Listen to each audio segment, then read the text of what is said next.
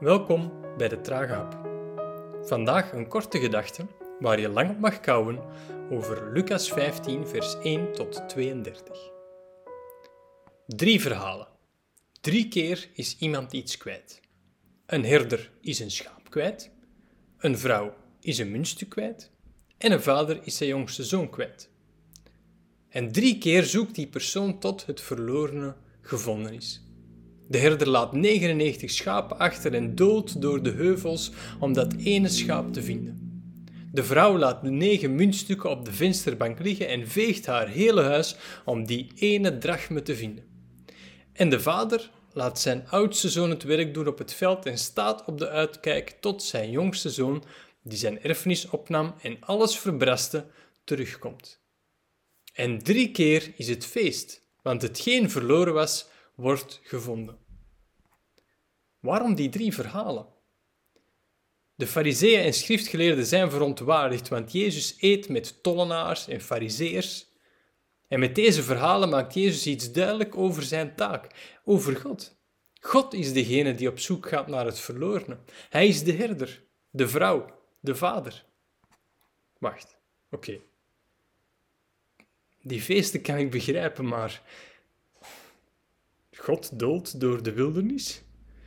God is de bestofte vrouw met een schort? God rent dat slechte karakter van een zoon tegemoet? Wij hebben soms een beetje last van disnificatie van deze verhaal. Ze zijn mooi geworden. Ze schokken ons niet meer.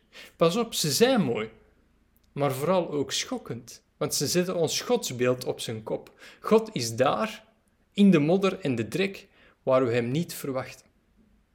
Het zijn hele sterke vooruitwijzingen naar Goede Vrijdag. Want wie verwacht een bespuugde, bespotte, stinkende, naakte God aan een kruis? Het laatste verhaal, dat van die zoon, heeft een open einde. De oudste zoon is iemand van het jaloerse type. Hij heeft namelijk dag in dag uit gewerkt op het land van zijn vader, ervoor gezorgd dat er geploegd en ingezaaid werd en later geoogst. Hij heeft hard gewerkt, terwijl zijn jongere broer zijn deel van de erfenis verbraste en geen klop deed.